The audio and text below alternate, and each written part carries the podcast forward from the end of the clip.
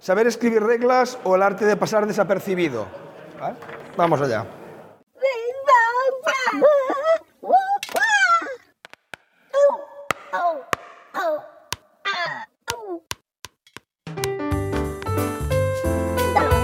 And now it's time for another Dice Tower review with Tom Vassell.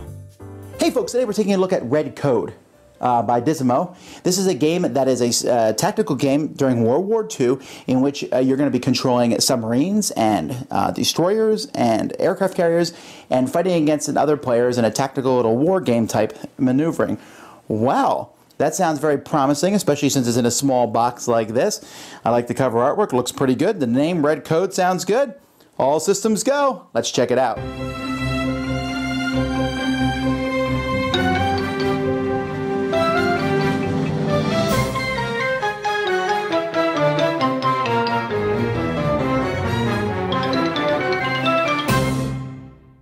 Folks, this game is bad. Bad, bad. It is bad, bad, bad, bad, badity bad. I mean, whoa. okay, first let's start with the rulebook. The rulebook itself, incomprehensible. Could not figure out how to play. Read it over and over and over again and struggled with playing this game. Finally, I said, okay, the rulebook is in English. I'm willing to cut slack because it's a translation from Spanish. So I live in South Florida, plenty of Spanish people, including my good friend Z Garcia. And so I said, Can you read this? So they read the Spanish rules, and they said the Spanish rules were just as bad. Ah! So, like I said, I'm not even sure we were playing quite right. I found the updated rules online. Ah! Still bad. Okay. Ah! You gotta be able to figure out a game from the rules. Ugh. It's it, it's garbage. It's garbage because of the rules written. It's boring. It's just a back and forth. An aircraft carrier doesn't feel like an aircraft carrier. A submarine doesn't feel like a submarine. The terrain means practically nothing. You're moving things around. The game is boring and dull and terrible. Wow. Worst game I've played in quite a long while. Um, I really didn't even feel like I should do a review of it, but we put so much effort into figuring out this stupid thing so that I could talk about it. I know I shouldn't call anything stupid. This poorly designed thing, poorly, maybe it's well designed for all I know, poorly published thing. Anyhow, bad, bad, bad. Stop watching video. Go watch something that's about that's something fun. Dice Tower Judgment, garbage. Thanks so much for watching the Dice Tower videos. Find more great videos and reviews, as well as our top rated audio podcast at dicetower.com. Este vídeo creo que es muy conocido, pero eh, Red Coat, el juego del que habla Tom Basel, no es garbage. No hay ningún juego conceptualmente, como concepto en sí, que sea garbage. En este caso, el garbage de Tom Basel viene por su frustración por no poder entender el juego, por el obstáculo que le supone las reglas y el no saber a qué se juega. Luego podríamos entrar en si un juego pues está más acertado, menos acertado, pero seguramente hay juegos igual de buenos publicados que Red Code, pero si la barrera de las reglas impide testearlo, el jugador no va más allá. La primera pantalla que se encuentra el comprador, el jugador, es las reglas. Con lo cual, a partir de ahí, si las reglas no le facilitan la entrada al juego al jugador, el jugador no va a ir más allá y no va a saber de, qué, va el tema. Por tanto, todos vamos con nuestro juego debajo del brazo a las jornadas, a explicarlo, a las zonas de, prototipos, y no hay ningún problema porque estás jugando con, con los jugadores y a la que hay el, el más mínima duda, tú se la solucionas. Pero cuando eso, ese juego algún día llegue a publicarse, llegue a las tiendas y a la casa de los compradores, de los jugadores, dentro de la caja no haber un autor pequeñito ahí que va a responder a todas las preguntas y a todas las dudas inmediatamente al jugador. El autor en pequeñito dentro del juego van a ser las reglas. Y esas tienen que ser suficientemente representativas de tu intención con ese juego para que le solucionen al jugador todas tus dudas. Por tanto, ¿cómo tienen que ser unas buenas reglas? Pues es súper sencillo que se entiendan. No hay más. O sea, ya podríamos acabar la charla aquí mismo, porque es, muchas gracias por venir, pero básicamente no hay más, más secretos. Ahora bien, ¿cómo se redactan unas buenas reglas o unas reglas que se entiendan, ¿vale? NPI. Nadie tiene idea de cómo se redactan unas buenas reglas. Por mucho que te mires, eh, la gente dice es que no hay, no es una fórmula matemática, no es un programa informático, eh, no hay un mecanismo que dice, mira, A, B, C, D y las reglas están bien. No existe eso. Segundo comentario. Hace tiempo leí en algún artículo o, en algún vídeo de internet que en una charla es muy importante poner alguna foto de un gatito o de un bebé. Bueno, pues ya he cumplido con el criterio, ya tenemos aquí un bebé, con lo cual la charla a partir de aquí ya todo va a ir bien. Voy a centrar la, la charla en los tres tipos de reglas principales, los tres enfoques que tenemos que afrontar a la hora de enfrentarnos a una redacción de reglas, podríamos decir, ¿vale? Los tres eh, estados van a ser lo que es la redacción de unas reglas, que es lo que hace el autor. A partir de la idea primigenia, pues hay que redactar de cero unas reglas. El segundo ámbito que miraremos es la revisión de reglas, que esto es lo que se hace sobre lo que ha hecho inicialmente básicamente el autor. Esto lo hace el revisor. El revisor tiene que ser una persona diferente del autor. Lo más habitual es que el revisor es el editor. El editor ha, comprado un, un, juego a un autor y entonces es el que le revisa las reglas. A veces el revisor es el autor también. Veremos más adelante, mi recomendación es que siempre sea una persona diferente del autor. Luego veremos el esquema de, de trabajo óptimo, tendría que ser una persona diferente. Y el tercer tipo de redacción de reglas son las traducciones de reglas, de cuando una editorial coge un juego, una licencia de un juego extranjero publicado y tiene que traducir las reglas. Los intervinientes aquí serían el traductor y el revisor. Y voy a decir que el revisor pues, la, es la figura que puede realizar o que acostumbra realizar por el editor mismo o una tercera persona. Como una aclaración para el resto de, de la charla, cuando yo hablo de reglas, me refiero a todo texto o iconográfico que forman parte del juego. O sea que eh, me estaré refiriendo también pues, a los textos de las cartas o a texto que haya en tokens o, o, o, lo que sea. Sobre la redacción de las reglas, el primer apartado, que, el primer ámbito. Habrían dos formas de, de redactar eh, las reglas. Por un lado, le he puesto el título aquí de la teoría de la explicación inversa y el segundo sistema, la composición clásica. De estos dos, la teoría de la explicación inversa y la composición clásica, yo no soy partidario de la primera. Por tanto, no la voy a utilizar, pero os explico de qué va. La idea es que hace un tiempo salió algún artículo, me parece que fue en la, en la BGG, que se hablaba de que la forma óptima de explicar unas reglas es al revés de lo que estamos haciendo normalmente. En la mayoría de los juegos tenemos un esquema que parte de, del que, que es como la explicación del, del juego secuencialmente a cómo lo vas a jugar. ¿vale? partiendo del setup, de, la preparación, llegando hasta el final de la partida. Eh, la explicación que se daba era explicarlo al revés. Empezar explicando cómo se gana y los pasos que has hecho hasta llegar al final. No la voy a tener en cuenta aquí porque, mmm, por mi experiencia, no la recomiendo para una explicación escrita de reglas, pero sí que creo que es la forma óptima para explicar el juego cuando lo haces oralmente en una mesa el sistema de, explicación oral o escrito varía mucho. Y en cambio, cuando explicas un juego a un grupo de amigos, in situ, es mucho más fácil y mucho más eh, esclarecedor, por ejemplo, explicar de que, mira, esto al final ganará quien tenga más puntos. Vale.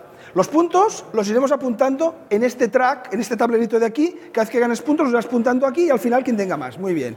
¿Cómo lo harás? Pues mira, tienes unos meeples que los a ir poniendo en el mapa y cada vez que pongas el meeple en, el mapa ahí te dará unos puntos que sumirás al track. Muy bien. ¿Y, eso como, ¿Y el mapa dónde está? Muy bien. Pues irás cogiendo las losetas, las irás, irás poniendo en la mesa, irás formando el mapa. Ah, muy bien. Pues eso ayuda a que el jugador que va a jugar en ese momento a la partida, en todo momento, a medida que le vas introduciendo las reglas, sabe qué destino tiene todo eso.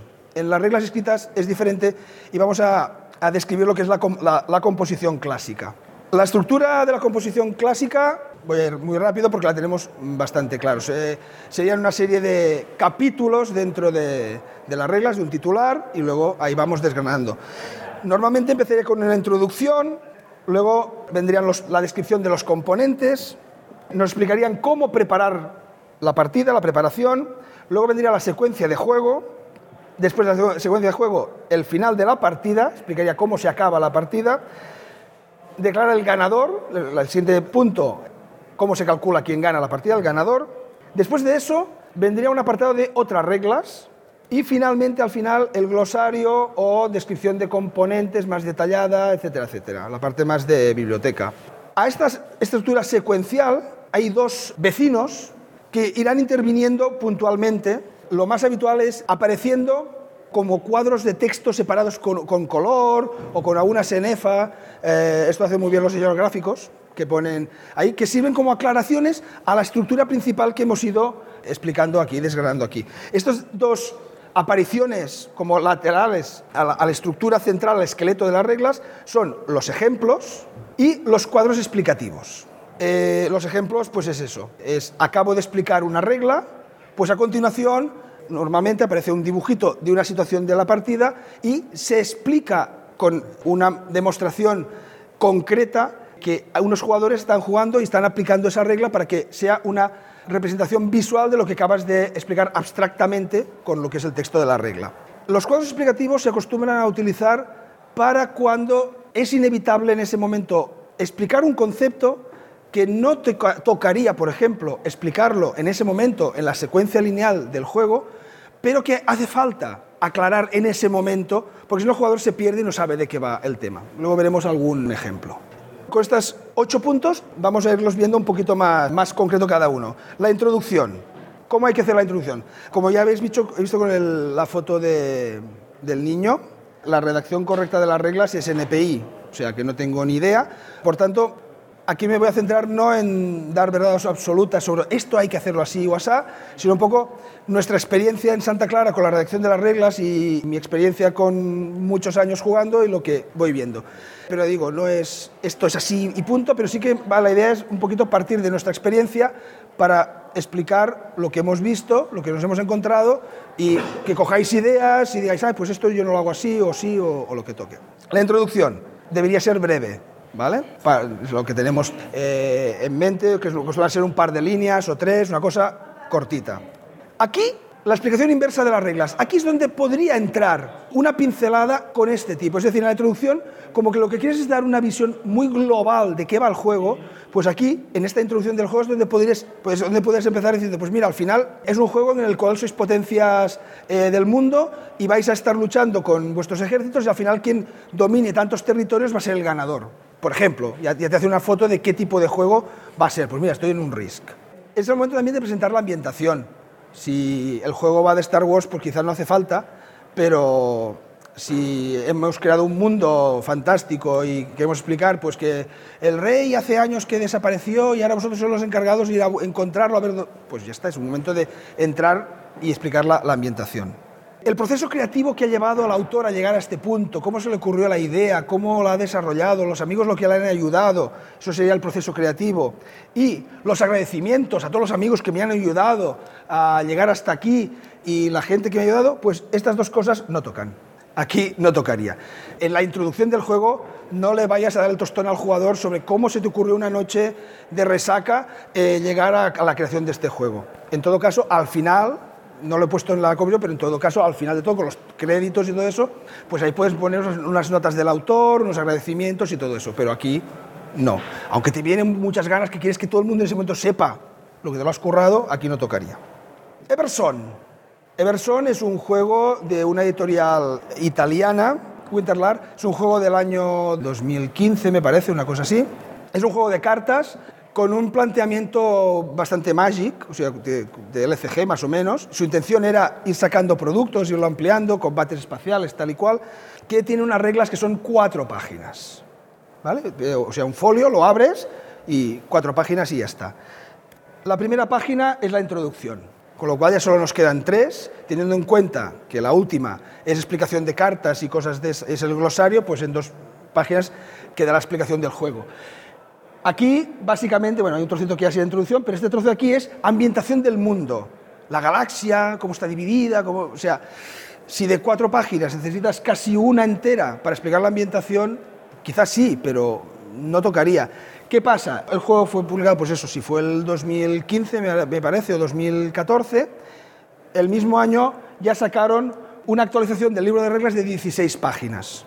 Entonces, si con dos páginas que querías tú explicar un juego súper fácil, ves que no había suficiente y luego te encuentras, porque a ver, los juegos de cartas con texto es que son complicados. O sea, las reglas, el Magic es muy sencillo, bajas tierra, atacas, pero las consecuencias, las explicaciones, las eh, incongruencias que luego tienes que contemplar con los efectos de las cartas, las cosas se complican.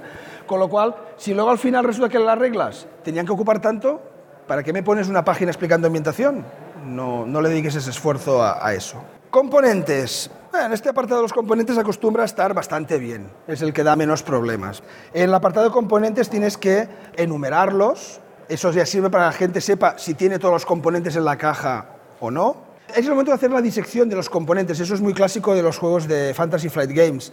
Tienes los componentes, pero luego como hay diferentes tipos de cartas, pues es el momento de decir cada parte de la carta, pues este, el 1, el 1 es el título, el 2 es la foto, el 3 es los skills, el 4, pues bueno, identificar para que el jugador en esta parte de la disección de los componentes va a ser un sitio donde se va a recurrir durante las primeras partidas para consultar qué era cada... Este símbolo de aquí, ah, son los puntos de vida. El otro, eh, pues es la, sanity. Ah, vale, pues ya pues es, un, es un sitio que se acostumbra a, consultar bastante. Los nombres de los componentes tienen que ser calificativos, no ambiguos. Mm, si esto es una carta de, de armas, pues le vamos a llamar cartas de armas. Eh, no vayamos a decir cartas de equipo y luego cartas de materiales, cuando una cosa del equipo sean armas y los materiales sean las cantimploras, por decir algo. O sea, pongámosle nombres claros que además cuando salga esa palabra clave en el juego ya automáticamente sepas de qué tipo de componente estamos hablando. Y una cosa que no se acostumbra a hacer, presentación de los dorsos, de, de la parte de atrás de las cartas. Si hay un juego que hay cartas todas del mismo tipo, pero que van a ser mazos separados o que vas a necesitar separarlos o que tengan cosas diferentes, en la expresión de los componentes muestra el dorso, porque eso también va a ayudar a clarificar muchas veces, cuando estás desprecintando el juego, saber separar las cartas fácilmente. Si las cartas luego es un deck building y todo va a ir al mismo mazo y no tienen dorsos, pues no tienen dorsos, pero si lo tienen, es un momento también que aparezca la foto del dorso en la descripción de los componentes. Argent de Consortium. Eh, este juego también tiene un par de o tres de años. Es muy buen juego, lo recomiendo, me gusta mucho. Salió en Kickstarter, pero eh, hay una pequeña cosilla con los componentes. En los componentes se describe con este símbolo como de matraz de cristal con un líquido azul en el interior, se describen que estos son los mana crystals, es el maná del, del juego. Y dice que viene con 50 mana crystals de plástico. Bueno, esto, que son las clásicas joyas de muchos, muchos Eurogames de plástico, pues no tienen nada que ver con este dibujito. O sea, aquí hay una pequeña incongruencia de que si el símbolo que usas por algo, luego el material es muy diferente, a mí me creó un cierto tiempo de intentar entender dónde estaban los tokens de, los matraces de, cristal. No los encontraba por un sitio. Y luego me quedaba un componente que no sabía qué era y digo, bueno, pues por el color será esto. Pero además, de los 50 tokens de plástico que venían en el juego, hay 10 oscuros, de azul oscuro, y 40 claros. Pues eso, ya está, hasta ahí. ¿Por qué? No sé. No sé si es que se acabó la tinta del azul claro y le tuvieron que poner azul oscuro. No sé si esto significa que son de 5 puntos de mana y los otros de 1. Sea lo que sea, ponlo. Nosotros cuando jugamos lo hacemos así porque nos quedamos a veces sin mana. Entonces, esto ya lo usas como 5, pero estas cosas hay que, hay que ponerlas. Porque luego el jugador va a perder un tiempo intentando entender estas incongruencias, que veremos varias, que muchas no impiden el juego, pero pierdes tiempo. Y si resulta que estás despreciando un juego, que has quedado con tres amigos para jugar, uno está leyendo las reglas y explicándoselas a los otros. Estas incongruencias hacen que pierdas tiempo buscando, intentándolas entender, y los otros tres tíos se están aburriendo, esperando a que tú entiendas las reglas como van y contestando WhatsApps. La preparación, el setup, tienes que explicarla secuencialmente. Lo más fácil es poner punto uno, haz esto, punto dos, haz lo otro. Eh, de manera que el jugador casi que lo haga como si fuera IKEA esto. Abro la caja, me dice el punto uno, coge el tablero, a ver, ah, esto, parece que es un tablero, venga, pues lo pongo en el centro de la mesa. Punto dos, coge los tokens y ponlos a un lado, lo pongo a un lado. Que sea como muy mecánico hacer el, setup, ¿vale? Cuando has hecho toda esta lista de, de pasos, luego pon una foto o un gráfico de cómo queda todo después de hacer estos pasos. Seguimos con el sistema IKEA. Importante, lo que no existe en el setup también hay que explicarlo. El caso clásico de las zonas de descartes. Es decir, hace 10 años seguramente igual no hacía falta describir que al lado de la baraja de cartas va un descarte, porque era muy claro que cuando gastabas una carta iba al descarte y ya está. Hoy en día a veces hay juegos que no tienen zona de descartes, porque las cartas van debajo de la... Cuando las gastas, van debajo del mismo mazo, o porque la carta se va fuera del juego. Entonces, a veces, si tú no has dicho que hay zona de descartes y que las cartas van aquí, volvemos a lo mismo. En ese momento, el jugador tiene una duda, pero ¿y esta carta dónde la pongo? Bueno, pues di, al lado del mazo donde has puesto estas cartas, ahí irá la zona de descartes. En el gráfico es muy fácil marcar una zona ahí medio difuminada y, y ya está. Cuatro monos, un juego del año 2010. En esa época había como una obsesión, o al menos por mi experiencia, que el juego es mío, porque las reglas fueran cortas. Año 2010 eh, no había el gran boom que tenemos ahora de juegos y de público. El aficionado que entraba, o sea, el, el público no jugón, el público Magel, pues estaba en, en P5, con lo cual se creía que las reglas muy cortas para que no se asusten, porque la gente si ve cinco páginas no las lee, tienen que ser dos. Entonces, la política que siguió uh, Homoludicus con el cuatro monos fue que las reglas lo más cortas posibles, con lo cual nos saltamos los ejemplos y nos saltamos casi, casi todos los gráficos. Uno de los que se quedó fuera, pues para quedar el mínimo número de páginas, fue el dibujo del setup, con lo cual el setup es esto, los ocho puntos de cómo lo montas, pero sin dibujo ni nada. Más de una persona conocida mía, amigos, me han comentado, me he comprado tu juego, me hizo mucha ilusión, lo encontré en una tienda, pero no sé jugarlo porque no entendía nada. Los ejemplos, los gráficos, todo eso ayuda a que la gente lo entienda. Luego hablaremos un poco de, del dilema que hay con todo esto, pero como hemos dicho antes, lo importante de las reglas es que se entiendan. Si tienes que hacerlas más cortas y no se van a entender, caca. La secuencia de juego. Primero es definir el orden de juego, es decir, definir si es un juego que se va a jugar por turnos, por rondas o por fases. Eh, este juego va, a estar formado de tres fases, en cada fase cada jugador a su turno. Esa, que, se tenga muy claro el esquema de secuencia de actuación de los jugadores. Tener muy claro que no es lo mismo una acción que un turno, que una ronda y que una etapa. Todo tiene su nombre y significa cosas diferentes.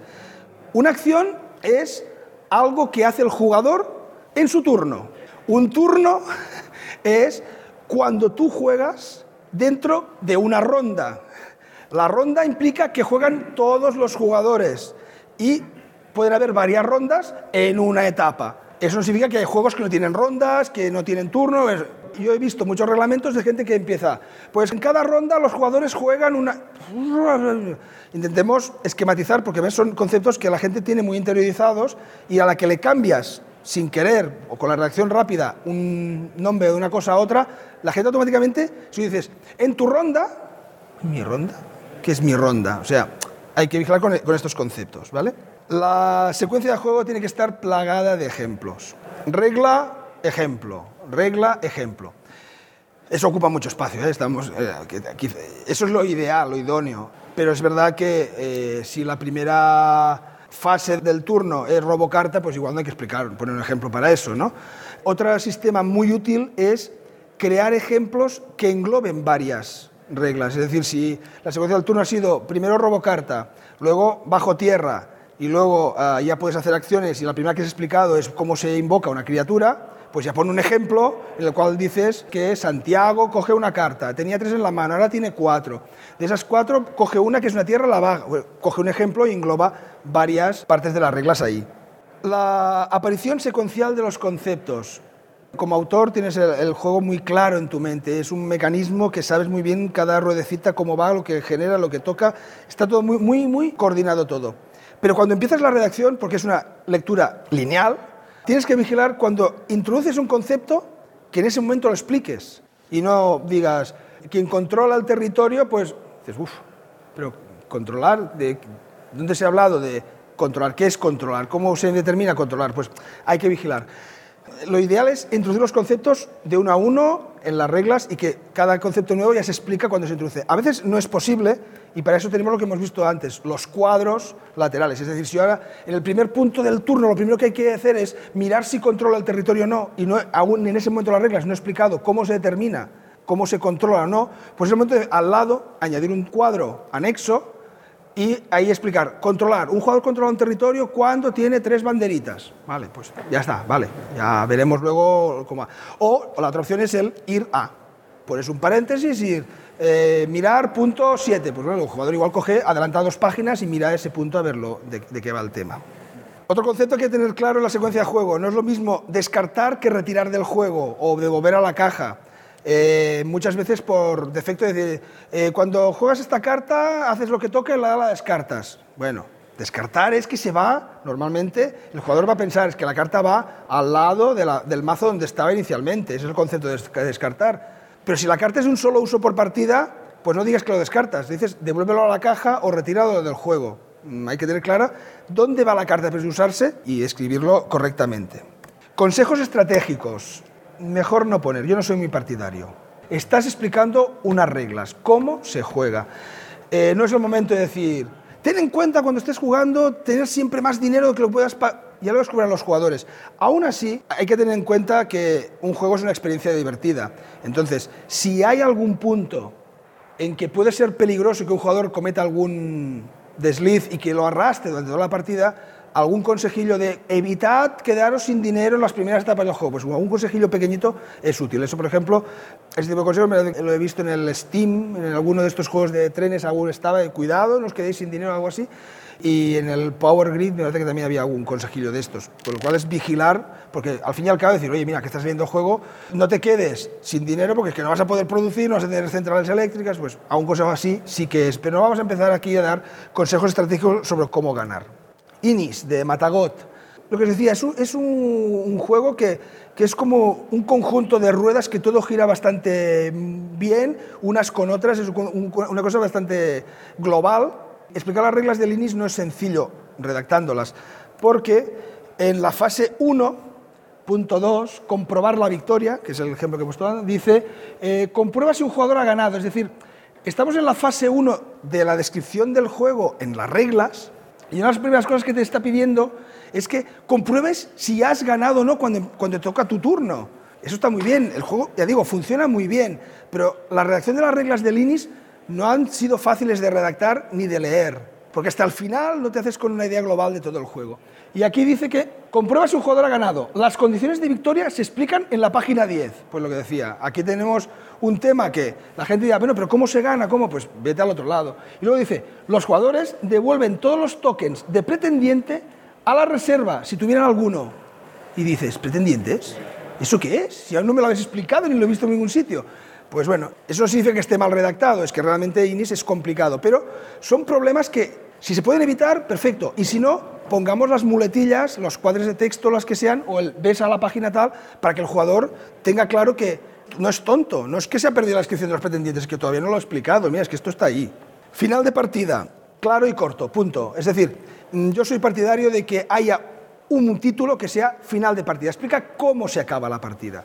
Este juego dura tres rondas. Pues al final de la tercera ronda se acaba la partida. Pues explícalo. Eh, no lo des por supuesto, porque igual tú en la fase de juego ya has dicho que se mueva el token de paso de ronda. El jugador ya verá que hay seis casillitas de ronda. Digo, "Eh, y cuando llegue a las seis, ¿dónde voy? Si no hay ninguno más, ¿no? Bueno, pues ponlo.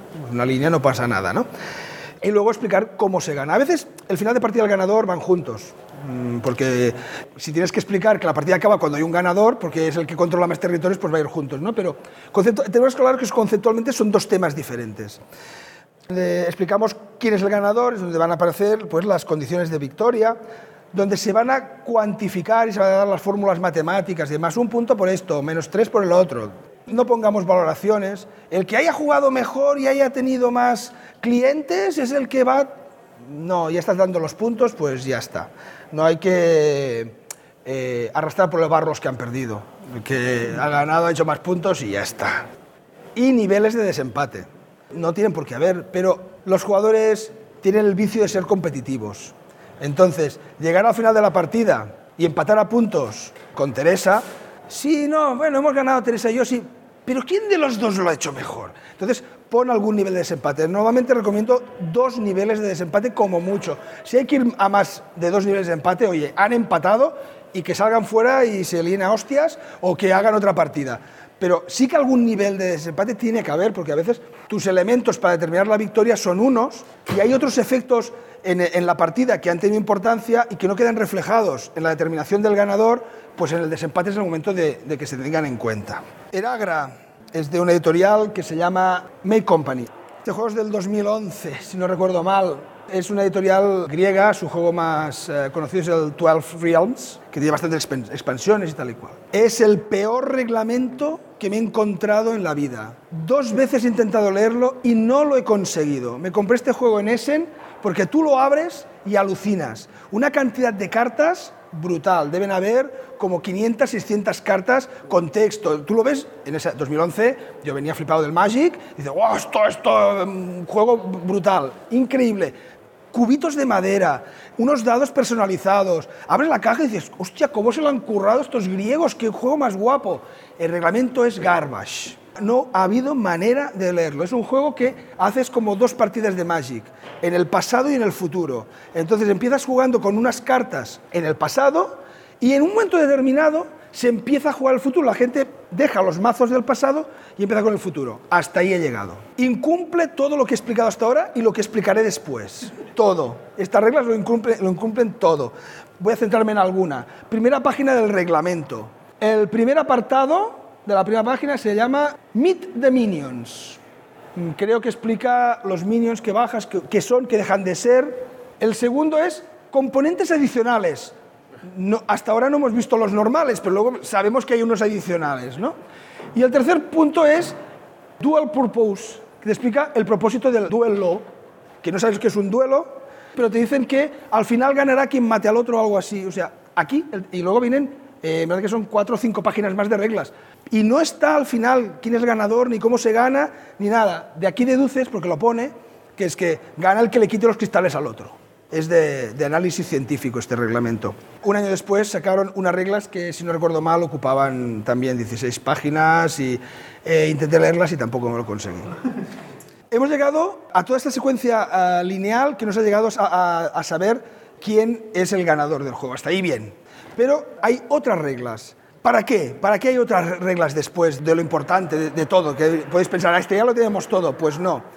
¿Para qué queremos las otras reglas? Las queremos, por un lado, para limpiar la secuencia de juego. La secuencia de juego es el esqueleto de, la partida, el esqueleto de- del juego, y tiene que quedar muy claro qué hago, cómo hago y qué, voy a hacer mientras estoy jugando. Eso dejémoslo limpio de cuadraditos cuando sean imprescindibles, pero de otras cosas que complementan eso. El caso más claro es el sistema de combate. Es decir, eh, ahora veremos el ejemplo de Runebound. Runebound, segunda edición de Fantasy Flight. En la secuencia de juego te va explicando lo que hace el jugador en su turno. Pero ya cuando lees lo que vas a hacer, que vas a investigar, a, atacar a, a descubrir qué hay en un sitio, si aparecen monstruos, eventos, lo que sea, tienes muy claro que ahí van a haber hostias. Pero en la secuencia de juego no se explica cómo se resuelven los combates. Una vez has dejado claro qué va a hacer el jugador en su turno, al fi- luego llegan otras reglas y lo más habitual ahí es poner el sistema de, de combate. Pero lo normal es poner reglas paralelas. Estamos jugando algo de, de la saga Arkham, pues seguramente tendremos que explicar cómo van las reglas de cordura. Eso no forma parte de la secuencia de juego, de las acciones que hacemos, pero tengo que saber si me vuelvo loco, cómo me vuelvo loco y, esa- y esas cosas. Es el momento de poner los mínimos consejos estratégicos. Ahí sí que puede ser un momento eh, de, de ponerlo, pero sigo diciendo que no es la fi- finalidad principal de las reglas dedicarte a explicar cómo ganar. En todo caso, los consejos estratégicos tienen que ir dirigidos a cómo evitar pasarlo mal perdiendo escandalosamente. Y variantes. Las variantes también es el momento de ponerlas aquí en las reglas. Bien, Runbound, segunda edición, Fantasy Flight Games, traducido a español por Edge. Es de la segunda edición. Es muy curioso el Runbound porque la segunda edición es muy diferente de la primera y la tercera es muy diferente de la segunda. O sea, si alguien conoce las tres ediciones, pues es muy curioso cómo Fantasy Flight ha ido modificando radicalmente el sistema de juego de este juego. Bueno, aquí tenemos esto. Cuando acaba la segunda de juego empiezan las Other Rules, que aquí te explican, pues lo primero, cómo se reciben heridas y cómo se cansa una persona. Luego te explican cómo se usan los efectos de las cartas. Luego el combate. Luego las habilidades de, los personajes. Y luego al final, pues las reglas opcionales de si quieres introducir el, Doom Track. Glosario y componentes. Al final de, to- de todo esto. Importante, cuando ahí de- decidimos que queremos poner una serie de cartas, que hay habilidades especiales y que vamos a, a explicar cómo jugar esa carta o lo que sea, hay que tener esa actitud del conjunto. Es decir, lo que yo diga ahí, la imagen que salga ahí, que sea la que tiene realmente el juego. Muy fiel a las palabras clave, ¿vale? Si esto se llama ah, carta de combate, luego lo digamos carta de batalla en otro sitio. Los iconos, ahí también sale- pueden salir explicaciones de, de- Ah, bueno, la palabra clave, explicación de palabras clave. Si hay una palabra clave en el juego, es decir, que, que afecta o que, que supone el icono, los iconos que salgan, qué significa cada icono cuando lo encontremos. Efectos de componentes, es decir, a veces hay tokens, que cuando tienes un token eso te da una habilidad. Pues si sale el token en el glosario, este token hace tal cosa. Y los resúmenes de juego, si no lo tienes como una carta que tiene cada jugador en la mesa para seguir el juego, pues aquí es un momento también de poner un, como un pequeño resumen de secuencia de juego o, de conceptos básicos o lo que sean. Noches de sangre, de GDM. Al final de las reglas aparece la carta con, todos los iconos de- del juego, tal y cual. Bueno, hay bastantes iconos, eh, es un sistema bastante intuitivo, cuando, cuando lo miras, eh, al final lo acabas, lo acabas entendiendo, es un poquito no tan, no tan enrevesado como el Rest for the Galaxy, pero tiene sus iconos, pero aún así no salen todos los iconos que hay en el juego. Hay iconos que salen los componentes que no están en el glosario. Volvemos a lo de antes, eso no impide el juego. Cuando sabes jugar, dices, ah, vale, ahora ya lo entiendo. Pero si en algún momento dado tienes que perder tiempo para descubrir por qué aquí me dice una cosa y aquí no está, hay que e- evitar este engorro de- del jugador.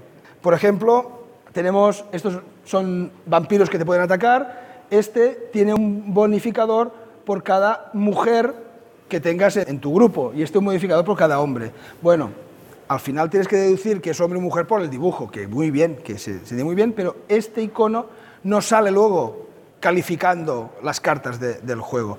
También hay que decir que me las he mirado todas y no hay nadie ambiguo. Por lo tanto, está muy claro quién es hombre, quién es mujer, pero eh, como representación de que los iconos pues faltan. Y luego hay dos cartas de condición de victoria al final de la partida, que estos dos iconos no están en ningún sitio explicados, aunque cuando explica los efectos, dice una de las condiciones por las que ganar es por vampiro eliminado o por eh, personajes muertos. Vale, ya está, pero está lo mismo. Cuando yo reciba esta carta jugando y vea una calavera, voy a ir al glosario y ahí no, no va a estar. Luego me voy a leer, ay, pero a ver, ¿de esto qué es ser? ¿Sabes por qué? Y el tiempo que pierdes buscándolo, pues mejor jugar y no estar resolviendo dudas. Ya está, los autores saben redactar reglas. Esos consejillos, ¿vale? Revisión de reglas. Vamos al segundo punto. Sería cuando el autor ha redactado las reglas del juego que ha, que ha parido, pero un editor necesita que se revisen o si quieren presentar a un concurso o lo que sea. Es decir, que una persona haga una revisión de esas reglas si se entienden no se entienden. Lo que he dicho antes, mejor que el revisor no sea el autor. El revisor que haga la revisión de las reglas, mi recomendación es usar la función control de cambios de Word. Si no la habéis usado nunca, es un botoncito que le das al Word y a partir de ahora cada cosa que haces en ese documento queda marcada. Es decir, cuando borras una letra, la letra no se borra, se tacha y luego aparece lo que tú escribes, con colores diferentes, ¿eh? queda todo un martingala de colores. Pero eso sirve para que cuando tú le pases ese documento a otra persona, esa persona sepa todo lo que has tocado de ese documento. Yo sí cojo un documento de, un autor y veo que una frase está mal la borro, cuando le pase el documento al autor, ¿cómo va a saber qué le he tocado de ahí? Va a tener que estar cogiendo su documento inicial y mirando uno a uno. No, entonces para eso sirve el control de cambios. Se tiene que seguir una, secu- una secuencia con la revisión de las reglas. Eh, esto está más orientado a la publicación, ¿eh? ahora lo veréis. Esta secuencia de revisión es una pasada. Es perfecta, luego la veréis. Es una, unas cosas que dicen, uh, uh, cuántos pasos, cuántas revisiones, cuántas cosas hay que tener en cuenta. Sí, sí, sí. Pero luego a la hora de la verdad hay unas limitaciones editoriales. Hace falta ver si la editorial tiene todo el tiempo que hace falta para hacer todos esos pasos en la revisión o si hay el dinero para hacer todo eso. ¿vale? O sea que yo voy a explicar eh, la, la secuencia ideal de revisión de reglas y luego las presiones editoriales pues son otras. El revisor, primera revisión de reglas del autor. Le devuelve la revisión al autor y el autor valida todas las correcciones que ha hecho el revisor, porque el revisor se puede equivocar y puede tachar una cosa que sea importante o añadir algo que no ha entendido bien una regla. El revisor recibe la validación del autor, porque el, revisor necesita saber si algo que no ha entendido bien, pues, es lo que él creía que era una cosa así, el autor le tiene que decir, no, no, esto no, no lo, lo que tú tocabas no te lo he dado por válido porque mm, eso es así. ¿vale? Y el revisor hace la segunda revisión de reglas del autor, se las vuelve a revisar. Después de ese documento, las vuelve a revisar el revisor. Y el autor hace la confirmación de esa segunda revisión. Eso pasa al maquetador, diseñador gráfico o lo que sea, le llamamos al maquetador porque estamos hablando de cómo eh, redactar las reglas. El maquetador maqueta, que es lo que tienen los maquetadores, ¿vale?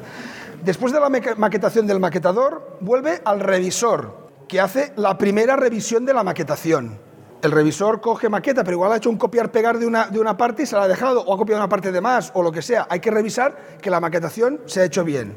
La primera revisión de la maquetación del revisor vuelve al maquetador autor. Aquí tendría que volver a los dos, porque los dos tendrían que intervenir en este proceso, que hacen la, corrección de las revisiones de la maquetación. Y eso vuelve al revisor que hace la segunda revisión de maquetación o galeradas. Es lo que os decía, esto es muy bonito, es de libro, es genial.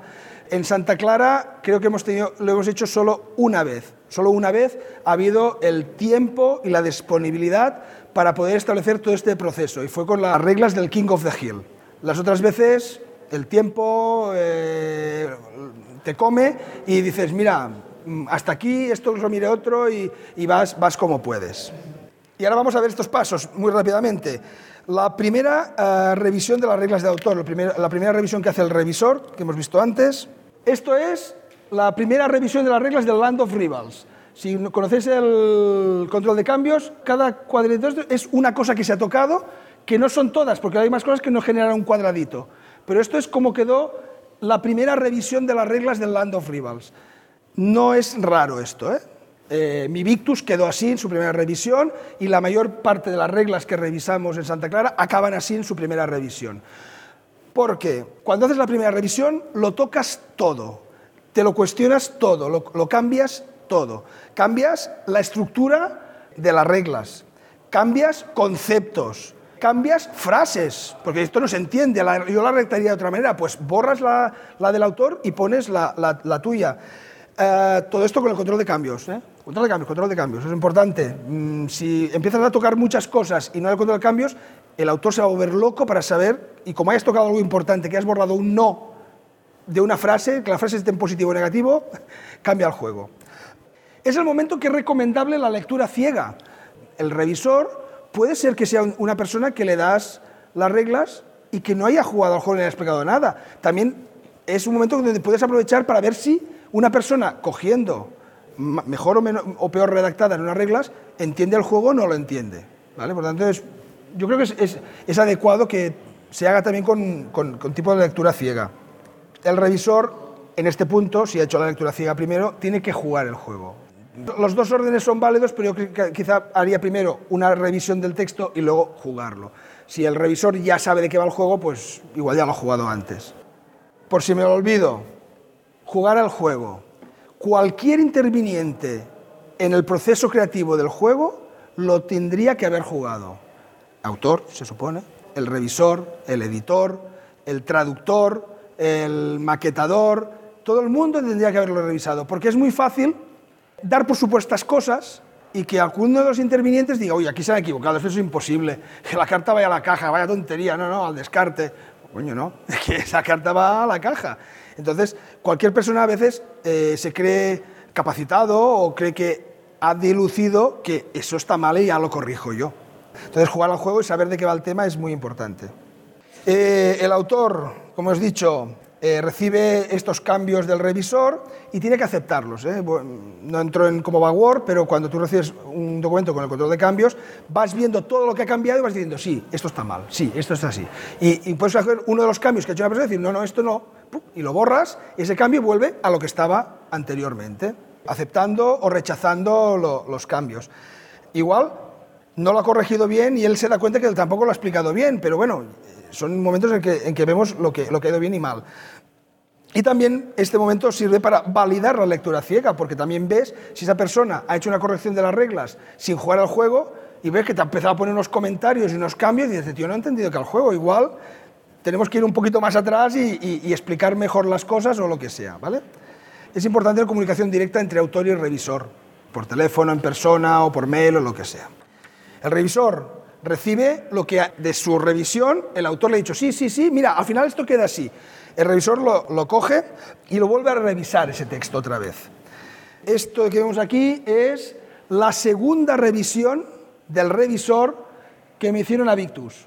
Por eso digo, esto lo veis bastante limpio, porque la primera era como la que hemos visto en Land of Rivals, que está plagado de, de revisiones. Y en la segunda también caen muchas, pero la segunda revisión acostumbra a ser más ligera, porque has arreglado muchos problemas, pero porque también has recibido el feedback del autor, el autor te ha, te ha dicho lo que, lo, que, lo que es válido lo que no. La lectura acostumbra a ser más placentera, con lo cual te centras más en, en el sentido de las frases y, to, y, y todo eso. Es el momento de centrarte en la exactitud de los conceptos y las palabras clave, que no haya ataca o combate. Uf, igual un combate, es, no sé, es, hay que homogeneizar los, las palabras clave los conceptos. Y el revisor acostumbra hacer más comentarios, más que tachar cosas, que también, ya veis que muchas, eh, también es donde acostumbra a presentar muchas preguntas al autor. Oye, esto de aquí, seguro que es así o asá. El, mismo eh, control de cambios te permite establecer un, una comunicación con el autor, preguntándole estas cosas de las reglas, no las entiendo. El autor valida esta segunda, se lo pasa al maquetador, maquetador maqueta, y que implica que la intervención del maquetador aquí. El maquetador que ha de jugar el juego, también. Luego, limitaciones que hemos dicho detrás, igual no tiene tiempo y no es posible, pero por pedir que juegue. El maquetador aporta cosas. Primero, sabe resaltar partes de las reglas. Hasta ahora hemos trabajado en un Word negro sobre blanco. El maquetador igual sabe cómo recolocarlo para que algunas cosas se vean mejor que otras. Incluso puede mejorar componentes. Lo que teníamos como una carta igual dice, oye, es que igual esto lo hacemos como tokens, es más pequeño y, y, es más útil que no poner cartas por encima del tablero o lo que sea. O sea, él también aporta mejoras de componentes. El maquetador tiene que entender los ejemplos porque va a tener que hacer el, el bodegón, digamos, de, de, de, lo que va a representar el, eh, el ejemplo en concreto. Y acostumbra a aportar más creatividad al proyecto. Es otra línea de pensamiento diferente que entra en el, en el proyecto de creación del juego y que acostumbra a aportar pues otras visiones, oye, esto lo hacéis mejor así, acostumbra a aportar bastantes ideas de optimización de procesos o de componentes. El maquetador ha maquetado, el revisor tiene que revisar que no haya metido cosas que no tocan, no haya tocado frases que él, el revisor ya entiende de qué van y que el maquetador va a decir, uy, eso está mal, está la borro. Pues hay que mirarlo. Esta fase, el revisor tiene que hacerla comparando su última versión que ha enviado a la maquetación con lo que le pasa nuevo. Es un trabajo más de ir haciendo espejo ir mirando. El maquetador lo recibe y aquí se recomienda participar con el autor por si hay revisiones significativas. No tendría que haber muchos cambios ya, pero si se diera el caso que hay cambios importantes, el autor tiene que estar aquí interviniendo y valorando los cambios que puedan haber. Finalmente, el revisor tiene que coger lo que ha hecho el maquetador corrigiendo los errores que le habían dicho, mirar que todos los errores que se habían marcado normalmente en un PDF se han hecho y están correctos y mirando las galeradas. Especial atención a la coherencia de los componentes finales con las reglas, que le, si aquí se dice que esta ficha es redonda, que luego no sea cuadrada. O sea, aquí, en esta fase de publicación ya seguramente tenemos componentes finales o ya sabemos cómo serán, por tanto hay que mirar que los dibujos que salen en las reglas se correspondan con el material. Y aquí entran los traductores después, que no vamos, no vamos a entrar demasiado ahí, pero en este momento sería dónde tendrían que entrar los traductores. Es decir, si llegados a este punto ya tenemos claro que lo, lo hemos revisado mucho. Ahora es cuando tienen que entrar los traductores, porque si antes de este punto entra un traductor y nos traduce unas reglas que luego vamos a cambiar, tendremos que volverlo a enviar al traductor para que vuelva a traducir lo que hemos cambiado. Por tanto, hasta el final no tendrían que entrar los traductores. Hablo de traductores de que tú estás haciendo el juego en castellano, pero lo quieres hacer multidioma. Por tanto, las reglas si quieren, tienen que ir en inglés, pues pasárselo al traductor de inglés cuando las reglas ya las das como definitivas. Este, este juego es el más o menos, que ha salido publicado el viernes pasado en el periódico con el DAO, sobre lo que estábamos hablando sobre la maquetación. Me pasaron, por suerte, eh, el ejemplo de cómo iba a maquetar el periódico el juego y cuando vi la maquetación se me cayeron, se me cayeron, bueno, que me quedé estupefacto, dejémoslo así. Habían errores importantes del texto, no sé si es que picaron el texto y se saltaron frases, cosas inverosímiles. O sea, mis reglas, os aseguro que algunas cosas que veréis, eso no estaba y no entiendo cómo apareció. Por ejemplo, se deben cumplir los siguientes criterios. Utilizar nueve cartas, cinco de números y cinco de símbolos. aquí falla algo. O no son nueve cartas, y tienen que ser diez, o realmente, si cuentas las cartas, verás que hay cuatro de símbolos aritméticos, no, no cinco. Claro, si este, esto lo ha hecho el maquetador copiando, pegando mi reglamento, aquí falla el copy-peggy de, del Word. Creo que no va a ser eso, por tanto, pero además, muchas veces el maquetador no lee, copia, pega y engancha. Por tanto, esto que dices, pero ¿cómo no lo ha visto? No lo ha visto porque no lo ha leído. El maquetador maqueta, que para eso le llaman maquetador. Si no, le dirían lector. La siguiente que había, eh, final, final de partida. El ganador es que logra menos puntos. Muy bien. Y vamos a jugar hasta que nadie pueda sacar menos puntos que eso. Aquí faltaba la frase que decía, el juego dura tres rondas. Y aquí, esto también era interesante, el punto 2 y 3 estaban cambiados de orden. Normalmente tenías que encender el cronómetro primero, luego coger el papelito y me salió al revés. Bueno, pues esa es la primera revisión que hace el revisor de la, primera, de la maquetación inicial del maquetador. Más cosas de maquetadores. Colt Express. Estas son la página 1 y 2 de las reglas de Colt Express. No sé si sabéis el tema de qué va. Bien, primera página. Vemos que es una redacción a tres columnas. Normalmente el cuerpo te pide leerlas así. Hasta ahí, bien. Esta página de aquí, ¿sabéis cómo se lee? Se lee este trozo de aquí, eh, este, bueno, no, tampoco es así. La cuestión está que esto se lee horizontalmente. Luego está esta zona de aquí, esta de aquí y esta de aquí. Pero esta va primero, luego esta va segunda y esto es el final de la partida. O sea, esto es un puzzle. Yo me encontré con una persona que me dijo un día, ostras, me, me recomendaron el Colt Express y mira que lo hemos leído, leído, es que no lo entendemos. Me dijeron que era muy sencillito. Le dije, ¿cómo leído las reglas? Porque ya sabía que había el problema este. Esto es el problema de maquetación, de que ha decidido, voy a hacer una cosa espectacular. Voy a hacer tres columnas y que se lean transversalmente. ¡Guau! ¡Qué bueno que estoy inventando! Pero luego el jugador ha perdido. Además de la conciencia que este título, que intenta hacer ver que va todo junto, casa con el, ancho de la columna, con lo cual tiene la sensación que va todo vertical. Revisión de galeradas. King of the Hill. Porque es importante hacer la última revisión. pero si maquetado todo, si lo hemos mirado, ¿por qué tenemos que volverlo a mirar? Porque pueden pasar cosas que nos pasaron con el King of the Hill con la última revisión de las reglas. Esto son anotaciones de errores de la última revisión de reglas. Y dices, uff, ¿cuántas que hay? ¿Veis que todo pone influencia, influencia, influencia? No sé por qué desaparecieron las FL de todo el documento. O sea, donde tenía que poner influencia, ponía inuencia. En todo el documento, las F y L juntas desaparecieron. Pues estas cosas no habían pasado antes y ahora estas últimas galeradas son muy, importantes. Sobre la coherencia de la maquetación, en, de possession, si el resultado es de un color superior al color en que se encuentran los puntos de vida del jugador o de color negro, si es un dado de colores, hay cinco colores y el negro pues, y en los colores hay una ordenación, eso está muy bien explicado, solo que el dado no tiene color negro, tiene color morado. Pues si al final el componente es morado, digamos morado, porque yo me volví loco buscando el negro. Suerte que habían seis caras solamente. Y finalmente, muy corto, sobre la traducción de las reglas. No sé si lo había dicho. Los traductores tienen que jugar el juego, eso es muy importante. Ahora estamos hablando de traducción de idiomas extranjeros al castellano. ¿eh? Cuando se coge una licencia, esto ya va más orientado a, editores. Si tú le pasas eh, el, agra a un traductor para que lo traduzca, por favor que lo juegue, que no deduzca que eso se juega así y lo traduzco de cualquier manera. La secuencia de, revisión es bastante parecida, pero más corta.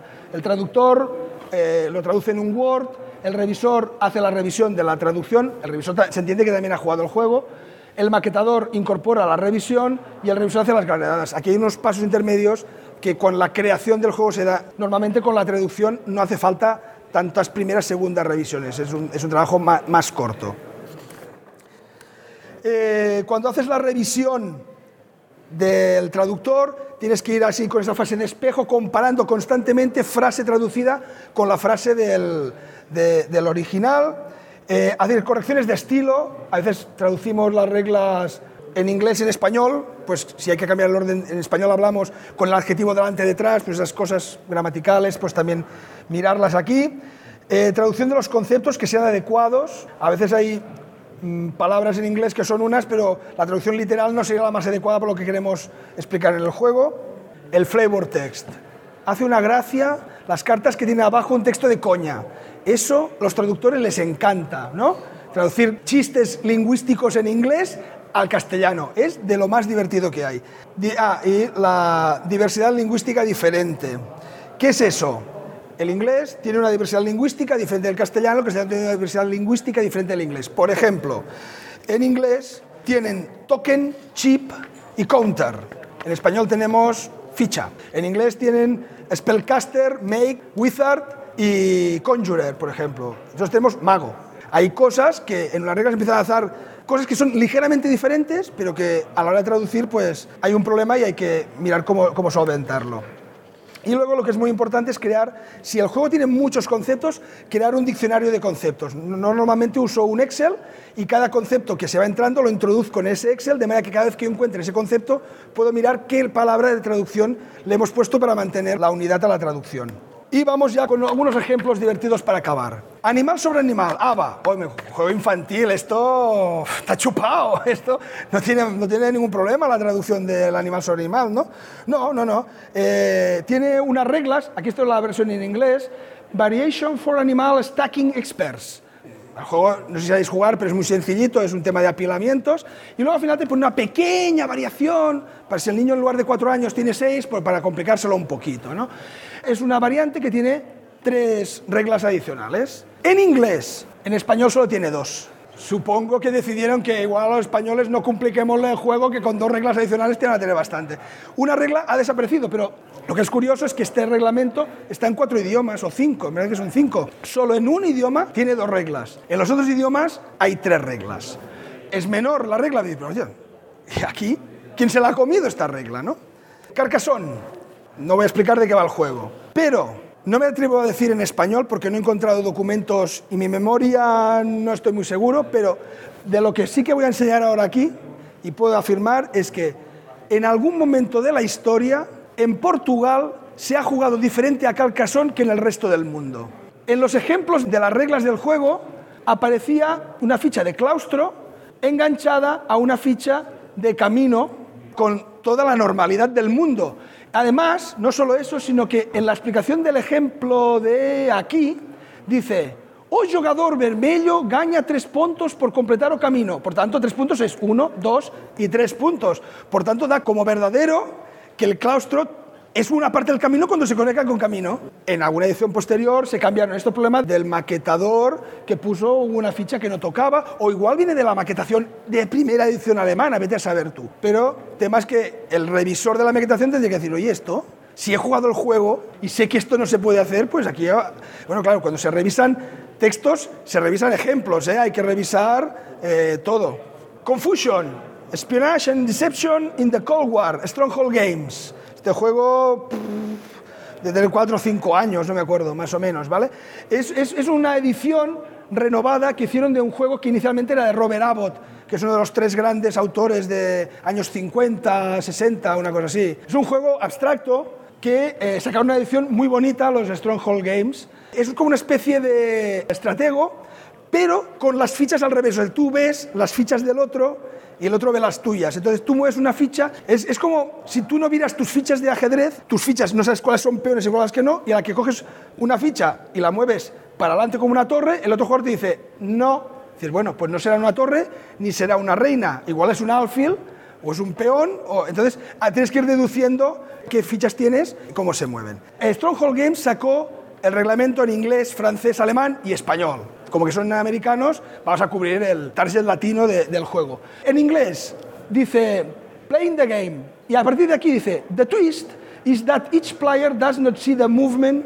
Traducción, el giro del juego es que cada jugador desconoce twist, giro, correcto, correcto. Lo que decíamos antes, que el revisor tiene que revisar el estilo. Nosotros no hablamos así. En español no se dice que el giro del juego es que nos reímos mucho es la gracia del juego o lo interesante del juego, lo que sea, pero no un giro. En inglés ponía notebooks. The notebooks are used to keep track of what is known about the spies. Muy bien. Esto en español es anotadores. Los anotadores son utilizados para mantener cuenta de lo que se conoce de los espías. Bueno, tal como hablamos en el bar cuando vamos a tomar unas cañas, igualito, igualito. Make Wars Arena, traducido en español por Debir. Uno de los problemas que ha tenido este juego es que en el glosario aparece el concepto embestir, no tengo fotos de la carta, pero una carta que tiene el poder de cargar. lo que decíamos de igualar conceptos y la perra gorda para el final. GURPS, juego de rol. Estas cosas que vais a ver no pasan en los juegos de mesa. Eh, GURPS se tradujo, no me acuerdo por qué editorial, esto es de hace unos años, había una hoja de personaje con unas tablas, unas cosas que ponían lo siguiente. Tabla de velocidades, modificador velocidad-distancia, modificador de no sé qué. Esto no lo entiendo, pero ocupa cuatro líneas. Y ahí lo publico. Esto publicado. Tengo el libro. ¿Vale? Alguien no revisó al traductor. El traductor no traducía, esto no sé qué es, luego lo buscaré, no sé cuál. No he encontrado la traducción de eso, pero el modificador de no sé qué, no sé qué era, pero esto era algo que era como distancia. Una, una palabra que era muy fácil de traducir, pero bueno, no estaba inspirado ese día y dije, me lo dejo así que ya otro día ya lo pondré. Eh, en la exposición hemos visto ejemplos de cagadas, alguna que no era cagada.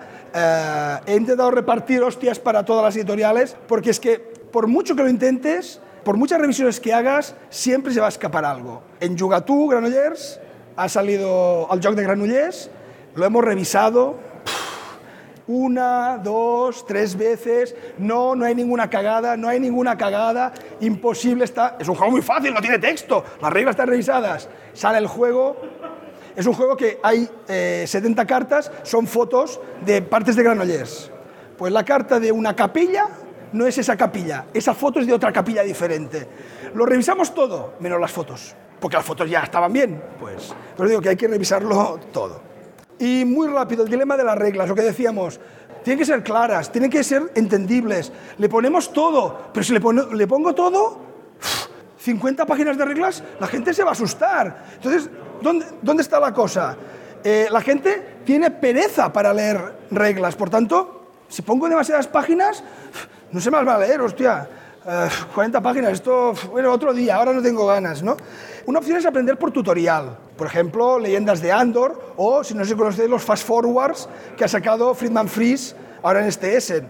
Está muy bien, pero que el propio juego te enseñe a jugar está muy bien, pero a veces hay juegos que eso es inviable y creo que tampoco es la solución centrar en tutorial. En los videojuegos sabemos que eso funciona así directamente, ¿no? Pero otra cosa que dice, bueno, puedes hacer un tutorial online o puedes aprender las reglas por youtubers. Os aseguro que yo he visto reglas mal explicadas en papel y que el youtuber la explica como está en papel. O sea, no hay una interpretación de eso. Hace poco me pasó con un caso y digo, uy, esto está mal. A ver, voy a buscar youtubers. Y me lo explicaban como estaba en el reglamento. Fui a las reglas en inglés y había un may que se había cambiado por un must.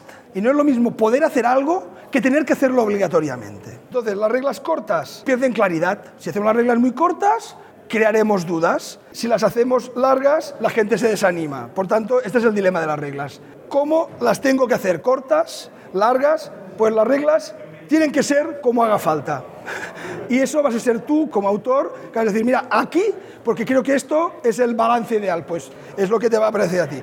Porque lo que tenemos que tener claro que son la herramienta principal para que el jugador pueda disfrutar de nuestro juego. Lo que hemos dicho primero. Es lo primero que debe encontrar. Si el jugador tiene una experiencia con las reglas, tiene que estar sorteando obstáculos, solucionando cosas, se va a desanimar lo que queremos es que se lo pase bien. Y así cumplo el segundo objetivo metiendo un gatito en la explicación. Y ya está. Muchas gracias.